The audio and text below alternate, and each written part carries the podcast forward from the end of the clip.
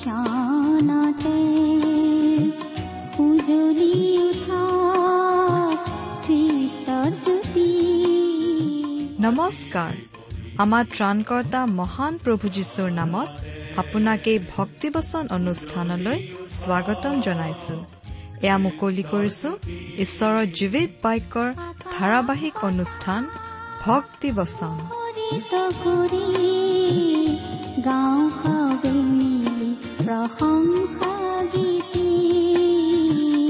গাঁও মিলি প্ৰশংসা গীতি আজিৰে পবিত্ৰ ক্ষণতে উঠা আপোনাৰ জীৱনত যদি শান্তি পাব বিচাৰে তেন্তে এয়া ঈশ্বৰৰ বাক্যৰ সান্তনা বাক্য ভক্তি বচন।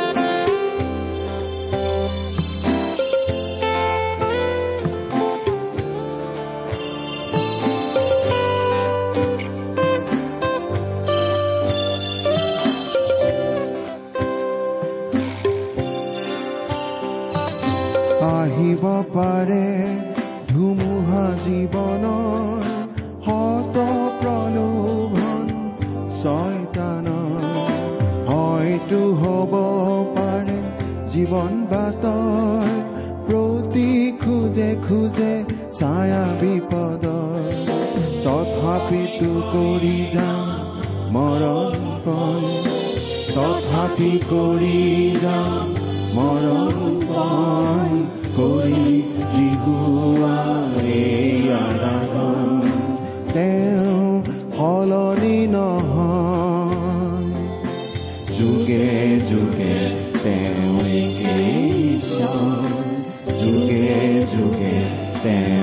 ঈশ্বৰ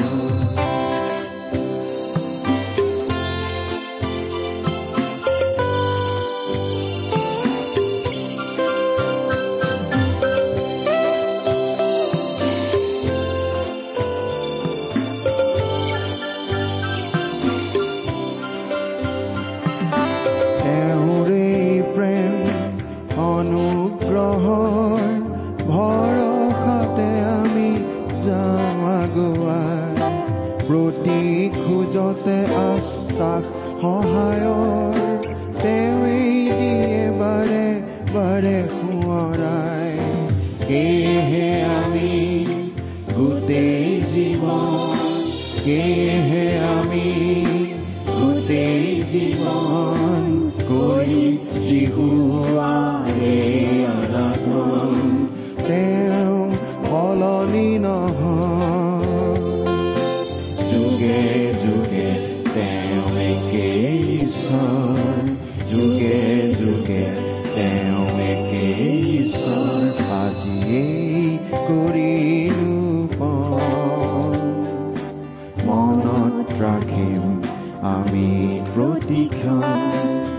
মই আৰু মোৰ পৰিয়ালে মই আৰু মোৰ পৰিয়ালে কৰিম আমাৰ পৰম পবিত্ৰ প্ৰভু যীশুখ্ৰীষ্টৰ নামত নমস্কাৰ প্ৰিয় শ্ৰোতা। আশা কৰো মহান পিতা পৰমেশ্বৰৰ মহান অনুগ্ৰহত আপুনি ভালে কুশলে আছে। লগতে এই বুলিও আশা কৰিছো যে আপুনি আমাৰ এই ভক্তিবচন অনুষ্ঠানটো নিয়মিতভাৱে শুনি আছে। প্ৰিয় শ্ৰোতা এই অনুষ্ঠান শুনি আপুনি কেনে পাইছে আমালৈ চিঠি লিখি জনাবচোন? আপোনালোকৰ পৰা চিঠি পত্ৰ পাবলৈ আমি আগ্ৰহেৰে বাট চাওঁ। আমাৰ যোগাযোগৰ ঠিকনাটো হয়তো আপোনাৰ মনত আছে তথাপি আকৌ এবাৰ কৈ দিছো। ভক্তিবচন টি ডাব্লিউ আৰ ইণ্ডিয়া ডাক বাকচ নম্বৰ সাত শূন্য গুৱাহাটী সাত আঠ এক শূন্য শূন্য এক। ঠিকনাটো আৰু এবাৰ কৈছো ভক্তিবচন টি ডাব্লিউ আৰ ইণ্ডিয়া ডাক বাকচ নম্বৰ সাত শূন্য গুৱাহাটী সাত আঠ এক শূন্য শূন্য এক। আহকচোন আজিৰ বাইবেল অধ্যয়ন আৰম্ভ কৰাৰ আগতে খন্তেক প্ৰাৰ্থনাত মূৰ দুৱাওঁ। স্বৰ্গত থকা অসীম দয়ালু পিতৃ ঈশ্বৰ তোমাৰ মহান নামৰ ধন্যবাদ কৰো। তুমি মহান তুমি কৰুণাময় তুমি অনুগ্ৰহৰ আকৰ। তোমাৰ অনুগ্ৰহতেই আজি আমি প্ৰভু যীশুত বিশ্বাস কৰি পৰিত্ৰাণ পাব পৰা হৈছো। তোমাক পিতৃ বুলি মাতিব পৰা হৈছো। তুমি আমালৈ যিমান অনুগ্ৰহ দেখুৱাইছা তাৰ বাবে তোমাক ধন্যবাদ দি আমি শেষ কৰিব নোৱাৰো। এতিয়া প্ৰাৰ্থনা কৰিছো তোমাৰ মহান বাক্য বাইবেল শাস্ত্ৰৰ যোগেৰে তুমি আমাক কথা কোৱা। তোমাৰ মাত আমাক শুনিবলৈ দিয়া। কিয়নো এই প্ৰাৰ্থনা আমাৰ মহান ত্ৰাণকৰ্তা প্ৰভু যীশুখ্ৰীষ্টৰ নামত আগবঢ়াইছো।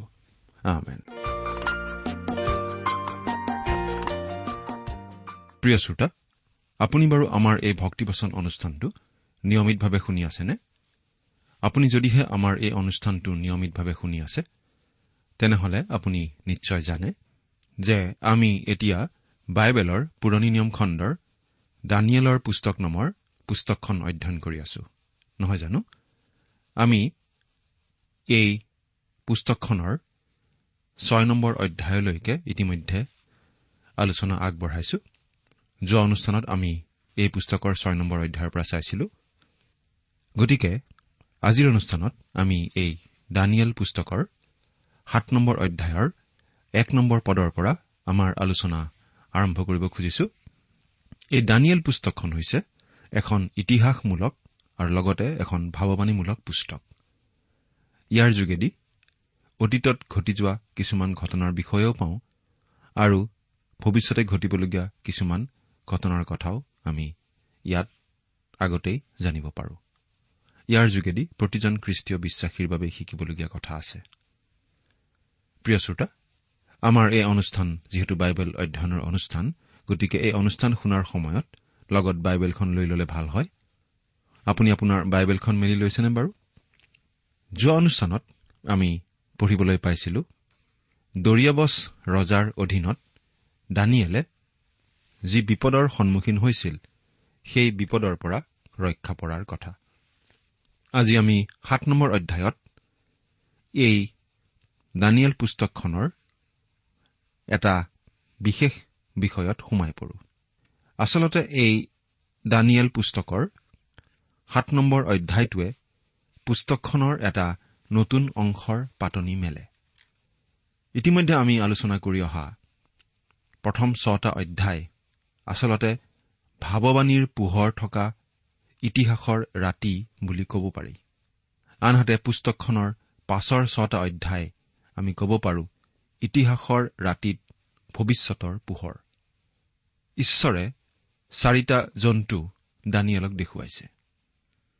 কেইবাটাও দৰ্শনৰ যোগেদি আৰু এইকেইটাৰ কথা অতি গুৰুত্বপূৰ্ণ। দানিয়েলে এই দৰ্শনকেইটা দেখিছিল বেলেগ বেলেগ সময়ত। সাত নম্বৰ অধ্যায়ত থকা দৰ্শন তেওঁ দেখিছিল বেলচছৰ ৰজাৰ দিনত। বেলচছৰ ৰজাৰ ৰাজত্বৰ প্ৰথম বছৰত। আঠ নম্বৰ অধ্যায়ত যি দৰ্শনৰ কথা আমি পাওঁ সেই দৰ্শন তেওঁ দেখিছিল বেলচছৰ ৰজাৰ ৰাজত্বৰ তৃতীয় বছৰত। আৰু ন নম্বৰ অধ্যায়ত পোৱা কথাখিনি দৰিয়াবছ ৰজাৰ ৰাজত্বৰ প্ৰথম বছৰৰ। আনহাতে দহ নম্বৰ অধ্যায়ৰ কথাখিনি হৈছে কোৰছ ৰজাৰ ৰাজত্বৰ তৃতীয় বছৰৰ। আকৌ এঘাৰ আৰু বাৰ নম্বৰ অধ্যায়ত দানিয়েলে যি দৰ্শন দেখাৰ কথা আমি পাওঁ সেইখিনি দৰিয়াবছ ৰজাৰ প্ৰথম বছৰত ঘটিছিল। দানিয়েলে পুস্তকখনৰ ইতিহাসমূলক ভাগটোত এই দৰ্শনখিনি লিখা নাই কিন্তু এই ভাৱবাণীমূলক দৰ্শনকেইটা একেলগে গোটাই পুস্তকখনৰ দ্বিতীয় অংশত লিপিবদ্ধ কৰিছে। বাবিল দেশৰ নবুখতনেশ্বৰ আছিল অতি চোকা বুদ্ধিৰ লোক আৰু তেওঁ হঠাতে দুপদূপে উন্নতি কৰি একেবাৰে বিশ্ব সম্ৰাট হৈছিলগৈ। প্ৰকৃততে তেওঁৱেই আছিল প্ৰথম বিশ্ব সম্ৰাট। তেওঁৰ সাম্ৰাজ্য বিস্তাৰিত হৈ আছিল তিনিখন মহাদেশত। উত্তৰ আফ্ৰিকাৰ মিছৰ দেশ তেওঁ অধিকাৰ কৰিছিল ইউৰোপো তেওঁৰ অধীন হৈছিল। তেওঁৰ সাম্ৰাজ্য অতি বিশাল আছিল। আৰু আজিলৈকে তেনে বিশাল সাম্ৰাজ্য কোনো সম্ৰাটৰেই হোৱা নাই। কিন্তু নমুখত নজৰ ৰজাই ভৱিষ্যতৰ কথা খুব চিন্তা কৰিছিল। তেওঁৰ ভৱিষ্যতে কি হ'ব? তেওঁৰ সাম্ৰাজ্যখনৰ কি হ'ব? ইত্যাদি চিন্তা তেওঁ কৰিছিল। তেওঁ সপোন দেখিছিল আৰু সেই সপোনত এটা বহু ধাতুৰ মূৰ্তি দেখিছিল। আৰু দানিয়েলৰ যোগেদি ঈশ্বৰে সেই সপোনটোৰ ব্যাখ্যা নবুখত নেজৰক জনাই দিছিল। এই কথা আমি পাইছিলো এই দানিয়েল পুস্তকৰ দুই নম্বৰ অধ্যায়ত। নবুখত নেজৰ ৰজাই দেখা সেই বহু ধাতুৰ মূৰ্তিটোত আচলতে চাৰিবিধ বেলেগ বেলেগ ধাতু আছিল। পাঁচবিধ নহয় চাৰিবিধি ধাতু। অৱশ্যে পিতলক আমি এবিধ ধাতু বুলি ধৰিছো। এতিয়া দানিয়েলে দৰ্শনত যি জন্তুকেইটা দেখিছে তাত তেওঁ চাৰিটা জন্তু দেখিছে। সিংহ ভালুক নাহৰ ফুটুকী বাঘ আৰু এটা বৰ্ণনা কৰিব নোৱাৰা ধৰণৰ বহু জন্তুৰ সংমিশ্ৰণৰ নিচিনা জন্তু। শেষৰবিধ আছিল অতি আচৰিত বনৰীয়া জন্তুৰ নিচিনা যি ধৰণৰ জন্তু পৃথিৱীত আকাশত বা পানীত কেতিয়াও কোনে দেখা নাই। অৰ্থাৎ এনে বাস্তৱ জন্তু নাই। দানিয়েলে দেখা জন্তুটো পৃথিৱীৰ জন্তু নহয়। তেনে কোনো জন্তু নাই। তেনেধৰণৰ জন্তুৰ দৰ্শন সপোনত দেখাৰ পাছত দানিয়েলে নিশ্চয় ৰাতি ভালদৰে শুব পৰা নাছিল। তেওঁ কিজানি সিংহৰ গঁড়ালতেই তাতকৈ শান্তিৰে শুব পাৰিছিল। আমি ভাবো ঈশ্বৰে নবুখত নেচৰ ৰজাক সপোনত সেই মূৰ্তি দেখুওৱাৰ পাছত আৰু দানিয়েলক সেই মূৰ্তিৰ ব্যাখ্যা জনাই দিয়াৰ পাছত দানিয়েল অলপ বিমূৰত পৰিছিল। তেওঁ এজন ভাল ছাত্ৰ আছিল আৰু পুৰণি নিয়মৰ কথাবোৰ তেওঁ ভালদৰে জানিছিল। গতিকে ঈশ্বৰে ডায়ুদৰ সৈতে কৰা চুক্তিৰ কথাটো দানিয়েলে ভালদৰে জানিছিল। সেই চুক্তিমতে ডায়ুদৰ বংশত জন্মা ব্যক্তি এজনে জগত শাসন কৰিব বুলি দানিয়েলে নিশ্চয় জানিছিল। এতিয়া ঈশ্বৰে নবুখত নেজৰ ৰজাক চাৰিখন বিশ্ব সাম্ৰাজ্যৰ যি দৰ্শন দিলে সেই কথা জনাৰ পাছত দানিয়েলে নিশ্চয় ভাবি বিমূৰত পৰিছিল। সেই সকলো কথাৰ মাজত ডায়ুদৰ বংশৰ পৰা এজনক ঈশ্বৰে বিশ্ব শাসক হিচাপে গঢ়ি তোলাৰ আঁচনিটো কেনেদৰে খাপ খাব? দানিয়েল পুস্তকখনৰ বাকী অংশখিনিয়ে এই প্ৰশ্নটোৰ উত্তৰ দিব। এই অংশটোৱে আমাক বিশ্ব ইতিহাসৰ আগতীয়া লিপিবদ্ধ ৰূপ এটা দিব। আৰু এই ইতিহাস সেই লিখাৰ দিনৰ পৰা আজি দুহেজাৰ পাঁচশ বছৰ ধৰি আখৰে আখৰে ফলিয়াই আহিছে। প্ৰতিটো কথা ফলিয়াই আহিছে ঘটি আহিছে। ঈশ্বৰে দানিয়েলক এই চাৰিটা জন্তুৰ দৰ্শনৰ যোগেদি কথা কৈছে। দানিয়েলৰ মনৰ খুদুৱনি দূৰ কৰিবলৈ আৰু দানিয়েলৰ অন্তৰৰ হাবিয়াস পূৰণ কৰিবলৈ। দানিয়েলক ইতিমধ্যে জনোৱা সেই বহু ধাতুৰ মূৰ্তিৰ দৰ্শনটোৰ যোগেদি সাম্ৰাজ্যখনৰ বাহ্যিক গৌৰৱ আৰু জাক জমকতা প্ৰকাশ কৰা হৈছিল। আৰু সেইবোৰেই নবুখদনেজৰ ৰজাক আকৰ্ষণ কৰিব বুলি ঈশ্বৰে জানিছিল। কিন্তু ঈশ্বৰে দানিয়েলক দিয়া জন্তুকেইটাৰ দৰ্শনত এই সাম্ৰাজ্যকেইখনৰ ভিতৰুৱা চৰিত্ৰ আৰু প্ৰকৃত স্বৰূপটো দেখুৱাই দিছে। এই সাম্ৰাজ্যখন আচলতে কি? সেইকেইখন আচলতে বনৰীয়া জন্তুৰ নিচিনা। স্বভাৱত মাংসভোজী আৰু গোটেইকেইখনেই হৈছে ধ্বংসমুখী হত্যাকাৰী চৰিত্ৰৰ। দানিয়েলে দৰ্শনত দেখা চাৰিটা জন্তুৱে অৱশ্যে নবুখদনেজৰ ৰজাই দৰ্শনত দেখা সেই মূৰ্তিটোৰ চাৰিটা ধাতুকেই প্ৰতিনিধিত্ব কৰে। খ্ৰীষ্টত বিশ্বাস নকৰা এজন ইতিহাসবিদে the decline and fall of the Roman empire নামৰ গ্ৰন্থ এখনত এনেদৰে লিখিছে চাৰিখন সাম্ৰাজ্য অতি স্পষ্টভাৱে চিত্ৰিত কৰা হৈছে। আৰু ৰোমানসকলৰ অপৰাজেয় সৈন্যবাহিনীৰ কথা জাষ্টিন আৰু ডিঅ'ডৰাছৰ ৰচিত ইতিহাসত যেনেকৈ দানিয়েলৰ পুস্তকতো সিমান স্পষ্টকৈ বৰ্ণিত হৈছে। নবুখনেশ্বৰ ৰজাই দেখা দৰ্শনৰ মূৰ্তিটো আৰু দানিয়েলে দেখা জন্তু চাৰিটাই আচলতে চাৰিখন বিশ্ব সাম্ৰাজ্যকেই বুজায়। সেইখিনি আমি চমুকৈ এনেদৰে চাব পাৰোঁ। নবুখত নেজৰ ৰজাই দেখা সেই মূৰ্তিটোৰ সোণৰ মূৰটো হৈছে বাবিলন সাম্ৰাজ্য আৰু নবুখত নেজৰ ৰজা নিজে। আৰু সেই সোণৰ মূৰটোক বুজাইছে দানিয়েলে দেখা সিংহটোৱে। দানিয়েলে দেখা ভালুকটোৱে প্ৰতিনিধিত্ব কৰিছে। সেই নবুখত নেজৰ ৰজাই দেখা মূৰ্তিটোৰ ৰূপৰ দুই বাহুক আৰু ই বুজাইছে মাদিয়া আৰু পাৰ্চীসকলৰ সাম্ৰাজ্যক। পিতলৰ দুই উৰুক বুজাইছে নাহৰ ফুটুকী বাঘে আৰু ই প্ৰতিনিধিত্ব কৰিছে গ্ৰীক মাকিডনীয়া সাম্ৰাজ্যক। লোহাৰ ভৰি আৰু লোহা আৰু বোকা মিহলি ভৰিৰ পতাই বুজাইছে ৰোমান সাম্ৰাজ্য আৰু এই সাম্ৰাজ্যক প্ৰতিনিধিত্ব কৰা জন্তুটো হৈছে বহু জন্তুৰ সমাহাৰৰ নিচিনা সেই অদ্ভুত জন্তুটো। এতিয়া বাইবেলৰ পৰা কেইটামান পদ আমি চাম। সাত নম্বৰ অধ্যায় এক নম্বৰ পদ। দানিয়েল সাত নম্বৰ অধ্যায়ৰ এক নম্বৰ পদ। বাবিলৰ ৰজা বেলছৰৰ ৰাজত্বৰ প্ৰথম বছৰত দানিয়েলে শয়ন কৰা সময়ত সপোন আৰু মানসিক দৰ্শন পালে। তেতিয়া তেওঁ সেই সপোন লিখি তাৰ সাৰ কথা প্ৰকাশ কৰিলে। দানিয়েলে এই দৰ্শন দেখাৰ সময়টো অতি স্পষ্টভাৱে আমাক জনাই দিয়া হৈছে যে বেলছৰ ৰজাৰ ৰাজত্বৰ প্ৰথম বছৰতে দানিয়েলে এই দৰ্শন পাইছিল। অৰ্থাৎ সোণৰ মূৰ অৰ্থাৎ বাবিলনে এই বিশ্বত শাসন চলাই থকা কালচোৱাৰ শেষ ভাগত। বেলছৰ ৰজাই ৰাজত্ব চলাই থকা সময়তে গেব্ৰিয়াছে বাবিলনৰ দেৱালৰ তলেৰে পানী বৈ যোৱা নলাটো শুকুৱাই সেই নলাৰে মনে মনে নগৰত সোমাই নগৰখন অধিকাৰ কৰি লৈছিল। ইয়াত আচলতে তিনিটা দৰ্শনৰ কথা কোৱা হৈছে। প্ৰথম জন্তু তিনিটা দেখুওৱা হৈছিল প্ৰথমটো দৰ্শনত। দ্বিতীয়টো দৰ্শন আছিল কেৱল চতুৰ্থটো জন্তুৰ। আৰু তৃতীয়টো দৰ্শন আছিল ঈশ্বৰে দেখুওৱা স্বৰ্গৰ এটা দৃশ্য। গতিকে ইয়াত তিনিটা দৰ্শনৰ কথা লিপিবদ্ধ কৰা আমি দেখিবলৈ পাম। তেওঁ সেই সপোন লিখি।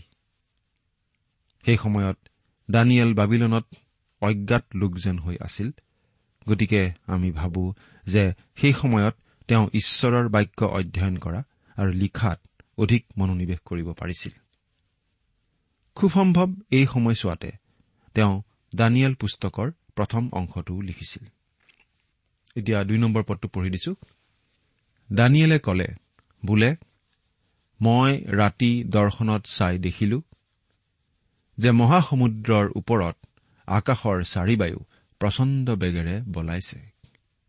মহাসমুদ্ৰৰ ওপৰত আকাশৰ চাৰিবায়ু প্ৰচণ্ড বেগেৰে বলাইছে। মহাসমুদ্ৰ মানে ইয়াত ভূমধ্য সাগৰৰ কথা বুজোৱা হৈছে। ধুমুহাই বুজাই আন্দোলন জন অভিযান প্ৰচাৰ অভিযান আৰু অশান্ত অৱস্থা। সাগৰে বুজাই জনগণ জনসমাগম আৰু পৰজাতীয় অৰ্থাৎ অনাজিহুদী লোকবিলাকক। প্ৰকাশিত বাক্য পুস্তকত আমি এইবুলি পঢ়িবলৈ পাওঁ পাঠ কৰি দিছো দুটামান পদ। প্ৰকাশিত বাক্য সোতৰ নম্বৰ অধ্যায়ৰ এক নম্বৰ পদ। পাছে সেই সাতোটা বাতি লোৱা সাতজন দূতৰ এজনে আহি মোৰে সৈতে কথা হৈ কলে আহা পৃথিৱীৰ ৰজাসকলে যি বেশ্যাৰে সৈতে বেবিচাৰ কৰিলে আৰু তাইৰ বেবিচাৰ ৰূপ দ্ৰাক্ষাৰসৰ দ্বাৰাই পৃথিৱী নিবাসীবিলাকক মতলীয়া কৰা হ'ল। তাৰপিছত আকৌ পোন্ধৰ নম্বৰ পদত এই বুলি পাওঁ। তেওঁ মোক আৰু কলে তুমি যি অনেক পানী দেখিলা অৰ্থাৎ য'ত সেই বেশ্যা বহি আছে সেই পানীবোৰেই অনেক প্ৰজা লোকসমূহ জাতিবিলাক আৰু ভাষাৰ লোকবিলাক। গতিকে সাগৰ মানে গোটেই পৃথিৱীৰ অনা যিহুদী জাতিবিলাকৰ সমষ্টি বুলি আমি বুজি পাওঁ। সাধাৰণতে বতাহ এটা সময়ত কেৱল এটা দিশৰ পৰাহে বয়। কিন্তু ইয়াত আমি পাইছো একে সময়তে চাৰিও পিনৰ পৰা প্ৰচণ্ড বেগেৰে বতাহ বৈ অহা ঘূৰ্ণী বতাহৰ নিচিনা এটা অৱস্থা। এই কথাটোৱে সেই চাৰিখন সাম্ৰাজ্য অতি অশান্ত পৰিৱেশৰ যোগেদি উত্থিত হোৱাৰ কথাটো বুজাইছে আৰু লগতে বিশেষকৈ চতুৰ্থখন সাম্ৰাজ্যৰ শেষৰ অৱস্থাটো বুজাইছে। সেই অৱস্থাত পৃথিৱীৰ সকলো জাতিৰ সকলো মানুহৰ অশান্ত মনৰ ওপৰত অধিকাৰ চলাবলৈ চেষ্টা কৰিব কিছুমান বিশেষ বিশেষ আদৰ্শ মতবাদ আৰু ধ্যান ধাৰণাই। আমি আজি এই চতুৰ্থ সাম্ৰাজ্যৰ শেষৰ কালচোৱাতেই বাস কৰি আছো। আচলতে আমি সেই সময়ৰ অতি ওচৰ যি সময়ত ৰোমান সাম্ৰাজ্য আকৌ সংগঠিত কৰা হ'ব পুনৰ গঠিত হ'ব। এই ৰোমান সাম্ৰাজ্য আচলতে জহি খহি গৈ সুপ্ত অৱস্থাত আছে। ইউৰোপৰ কিছুমান দেশৰ মাজত যি দেশ এসময়ত ৰোমান সাম্ৰাজ্যৰ অন্তৰ্ভুক্ত আছিল সেই সময় আহি আছে।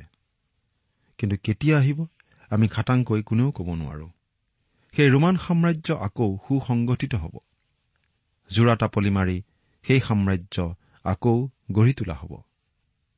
বিভিন্ন আদৰ্শ শাসন প্ৰণালী আৰু মতবাদৰ এই সকলোবোৰ দেশ আকৌ লগ কৰা হ'ব।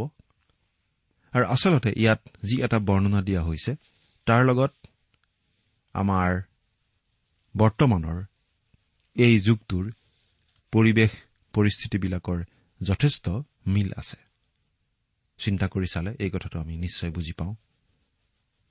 সেইকাৰণে আমি ভাবো যে আমি সেই শেষ অৱস্থাৰ দিনৰ পিনে আগবাঢ়ি গৈ আছো ওচৰ চাপি গৈ আছো। আচলতে সময় চমু চাপি আহি আছে। সকলো মহাদেশেই আজি জাগি উঠিছে। সকলো জাতি আজি জাগি উঠিছে। সকলো পিনে সকলোৱে নিজৰ নিজৰ অধিকাৰ আজি সাব্যস্ত কৰিবলৈ বিচাৰিছে। আনকি এসময়ত অতি বৰ্বৰ অৱস্থাত থকা জাতিবোৰো আজি অতি আধুনিক আধুনিক জাতি হৈ পৰিছে। যোগাযোগ ব্যৱস্থা আৰু নতুন নতুন অস্ত্ৰ শস্ত্ৰৰ আৱিষ্কাৰে মানুহৰ চিন্তাধাৰা সলনি কৰি দিছে। নতুন মতবাদ নতুন চিন্তাই মানুহক দিনে দিনে অধিককৈ আকৰ্ষিত কৰিছে। আৰু অশান্ত এই বিশ্বখনে তৃতীয় মহাসমৰৰ পৰা হাত সাৰিবলৈ সদায়েই অহৰহ চেষ্টা চলাই আহিছে। আমি ৰেডিঅ' টেলিভিছন আদি চালে এই কথা বুজি পাওঁ যে আজি আচলতে পৃথিৱীৰ মানুহৰ মন আৰু চিন্তাও নিয়ন্ত্ৰণ কৰিবলৈ অনবৰতেই চেষ্টা কৰি থকা হৈছে। সকলো ধৰণে এনে এটা প্ৰচেষ্টা চলি থাকে। অশান্ত জনগণৰ মনত এনেদৰে প্ৰভাৱ পেলাবলৈ সদায়েই চেষ্টা চলি থাকে। আৰু আমিও আচলতে এক প্ৰকাৰৰ তেনেকুৱা প্ৰচেষ্টাই চলাই থাকো। মানুহৰ মনত ঈশ্বৰৰ বাক্যৰ প্ৰভাৱ পেলাবলৈ। সকলো মানুহেই যদি ঈশ্বৰৰ কথালৈ কাণ দিলেহেঁতেন কিমান যে ভাল হলহেঁতেন নহয়নে বাৰু? এই অধ্যায়টোত আঠ নম্বৰ পদত আমি সৰু শিং এটাৰ কথা পাওঁ। আৰু এই শিং অৰ্থাৎ আহিবলগীয়া এজন ব্যক্তিয়ে এদিন এই পৃথিৱীৰ মানুহৰ মনত অধিকাৰ চলাব। সকলোৰে মন সেই ব্যক্তিজনে নিয়ন্ত্ৰণ কৰিব। আৰু সেই ব্যক্তি হ'ব ছয়তানৰ ব্যক্তি। এইখিনিতে প্ৰভু যীশুৱে কোৱা কথা আমি এষাৰ পাঠ কৰিব খুজিছো। জোহনে লিখা শুভবাৰ্তা পাঁচ নম্বৰ অধ্যায়ৰ তিৰাল্লিছ নম্বৰ পদত এনেদৰে লিখা আছে মই মোৰ পিতৃৰ নামেৰে আহিছো তথাপি তোমালোকে মোক গ্ৰহণ নকৰা। আন কোনো যদি নিজৰ নামেৰে আহে তোমালোকে তেওঁক গ্ৰহণ কৰিবা।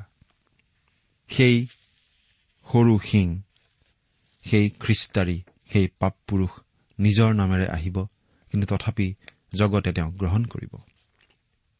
প্ৰিয় শ্ৰোতা আজিৰ এই বৰ্তমান যুগত সকলো মানুহেই কেৱল স্বাধীনতাৰ কথা কয়। মানুহে স্বাধীনতাৰ কথা আলোচনা কৰে।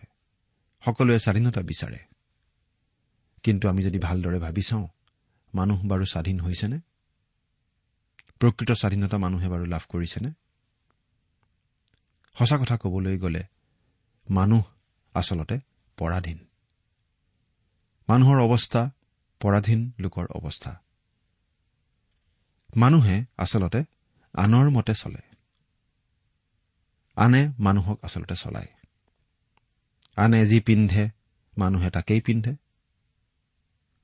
আনে যিধৰণে চিন্তা কৰে মানুহেও সেইধৰণে চিন্তা কৰে। আনে যিধৰণে কাম কাজবোৰ কৰে মানুহেও তাকেই কৰে। অৰ্থাৎ মানুহ স্বাধীন নহয় আনৰ অধীন। কিন্তু প্ৰকৃত স্বাধীনতা আমাক প্ৰভু যীশুখ্ৰীষ্টইহে দিব পাৰে। প্ৰিয় শ্ৰোতা দানিয়েল ভাৱবাদীয়ে আচলতে আমাক এখন অতি ভয় লগা ছবি দিছে। এটা ধুমুহা বব আৰু সেই ধুমুহা অতি দীঘলীয়া হ'ব পাৰে। এতিয়া তিনি নম্বৰ পদটো পাঠ কৰি দিছো। আৰু সমুদ্ৰৰ পৰা চাৰিটা বৃহৎ জন্তু ওলাই আহিল। সিহঁতৰ আকাৰ বেলেগ বেলেগ আছিল। সেই জন্তু চাৰিটা বেলেগ বেলেগ প্ৰকৃতিৰ। সিংহ ভালুক নাহৰ ফুটুকী বাঘ আৰু দহটা শিং থকা জন্তু এটা। আমি দহটা শিং থকা জন্তুৰ কথা কেৱল ইয়াতহে পাইছো। এই জন্তুবোৰে প্ৰতিনিধিত্ব কৰে বিভিন্ন জাতি ভাষা উপজাতি আৰু দেশৰ দ্বাৰা গঠিত হোৱা সাম্ৰাজ্যক। প্ৰিয় শ্ৰোতা ঈশ্বৰে দানিয়েলক এনেদৰে ভৱিষ্যতৰ বিষয়ে কথাবিলাক জনাই দিছিল। ঈশ্বৰে আচলতে আজি আমাকো ভৱিষ্যতৰ কথা জনাই দিছে। প্ৰভু যীশুক গ্ৰহণ কৰিলে ভৱিষ্যতে আমি কি পাম? আৰু বৰ্তমানেও আমি কি পাওঁ? সেই কথাও জনাই দিছে। আৰু প্ৰভু যীশুক গ্ৰহণ নকৰিলে ভৱিষ্যতে আমাৰ কি হ'ব সেইটোও আমাক জনাই দিছে। সেই সকলো কথা জনাৰ পিছত আপুনি বাৰু প্ৰভু যীশুক আপোনাৰ ত্ৰাণকৰ্তা বুলি গ্ৰহণ কৰি আপোনাৰ ভৱিষ্যত নিৰাপদ কৰিছেনে? চিন্তা কৰি চাওকচোন ঈশ্বৰে আপোনাক আশীৰ্বাদ কৰক আমেন তাৰি তুমি দিয়া পথৰ নিৰ্দেশ ইমান পৰে আপুনি ভক্তিবচন অনুষ্ঠানটি শুনিলে। অনুষ্ঠানটি শুনি কেনে পালে আমালৈ চিঠি লিখি জনাবচোন? অনুষ্ঠানত প্ৰচাৰ কৰা কোনো কথা বুজিব লগা থাকিলেও আমালৈ লিখক। আমাৰ ঠিকনা ভক্তিবচন টি ডাব্লিউ আৰ ইণ্ডিয়া ডাক পাকচ নম্বৰ সাত শূন্য গুৱাহাটী সাত আঠ এক শূন্য শূন্য এক। ঠিকনাটো আৰু এবাৰ কৈছো ভক্তিবচন টি ডাব্লিউ আৰ ইণ্ডিয়া। ডাক পাকচ নম্বৰ সাত শূন্য গুৱাহাটী সাত আঠ এক শূন্য শূন্য এক। আপুনি ইমেইল যোগেৰেও আমাৰ সৈতে যোগাযোগ কৰিব পাৰে। আমাৰ ইমেইল আইডিটো হৈছে Assamese T TV at radio' eight eight two dot com আইডিটো আকৌ এবাৰ কৈছো। Assamese T TV at radio' eight eight two dot com আপুনি টেলিফোনৰ মাধ্যমেৰেও আমাক যোগাযোগ কৰিব পাৰে। আমাৰ টেলিফোন নম্বৰটো হৈছে শূন্য তিনি ছয় এক দুই ছয় শূন্য চাৰি ছয় সাত এক। ফোন নম্বৰটো আকৌ এবাৰ কৈছো জিৰ' থ্ৰী ছিক্স ওৱান আজিৰ অনুষ্ঠানটি ইমানতে সামৰিছো। ঈশ্বৰৰ শান্তি আৰু অনুগ্ৰহ আপোনাৰ লগত থাকক। ধন্যবাদ।